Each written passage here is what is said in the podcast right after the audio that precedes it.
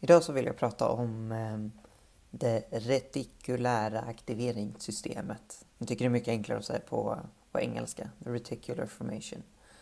Ehm, och det, det, är en del av hjärnan som eh, den sitter mitt i, typ, och funkar åt två håll, uppåt och neråt. Där den jobbar med att förmedla information, eller stoppa information, ehm, åt båda hållen. Och just den här biten av hjärnan har visat sig vara ehm, central för vårt fokus och vår, alltså vår nivå av medvetande, hur vakna vi är liksom. Och vi läste en del om det i psykologin och, och nu kom det upp i eh, GTD-boken också. Um, och därför vill jag liksom ta upp det. För att jag har, jag har aldrig hört om den innan. Och den här delen av hjärnan har två primära funktioner. Det är, eller två primära funktioner som jag ska prata om idag. Den har flera funktioner. Det är dels att eh, jobba med vår vakenhet, alltså våra medvetandenivåer. Och sen att jobba med vårt fokus och vår uppmärksamhet.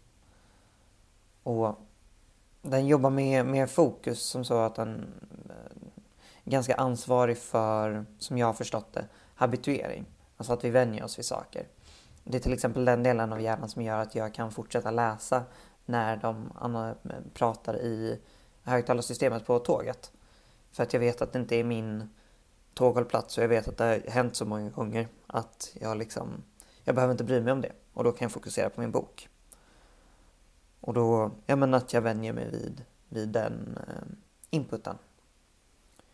Och sen så, jag menar hålla mig vaken. Om man till exempel visat det på eh, möss att har man eh, stimulerat just den här delen av hjärnan så har du kunnat få en mus att bli klarvaken så snabbt och sen somna så snabbt. Eh, vilket jag tycker är ganska intressant. Det hade varit ganska kul att se hur man hade kunnat använda det på människor.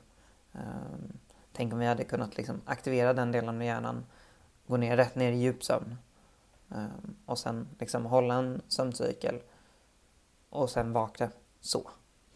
Det hade varit ganska fett. Men, men det ligger nog längre fram i tiden, skulle jag gissa. Uh, som, det känns som en ganska komplex process. Och det jag tycker är intressant med, med just den här delen och det här, den här informationen är att jag, jag hade aldrig hört om det innan. Och det känns ganska centralt för mig som behöver fokusera och behöver liksom veta hur min sömn funkar och alltså hela den här, hela den biten.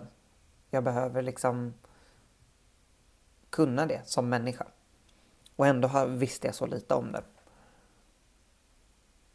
Och, och så funderar jag en del kring hur vi tränar våra muskler men inte vår uppmärksamhet. Alltså om vi vet hur just i alla fall den här delen av hjärnan och det finns ju en del andra eh, aspekter också som har att göra med hur bra vi fokuserar och hur vakna vi är. Men om vi vet hur de olika delarna funkar så tänker jag att den informationen borde vara ganska viktig att få ut så att vi kan maximera eller optimera eller träna eller i alla fall bli bättre. Liksom. För det är vissa som har jättesvårt med det här med högtalarsystemet på tåget vet jag. Jag har kompisar som inte kan fortsätta läsa utan måste liksom pausa.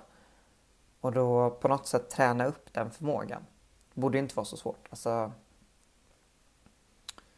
ja, men bara utsätta sig för det om och om igen och kanske ha tekniker för, för hur man ska göra. Och det, jag har aldrig hört om det. Jag, jag vet inte hur man gör. Men jag hade jättegärna velat prova. Så min fråga idag blir hur, på vilka sätt tror du att vi, vi kan träna hjärnan på samma sätt som vi tränar kroppen? Och har du några tips på hur du gör?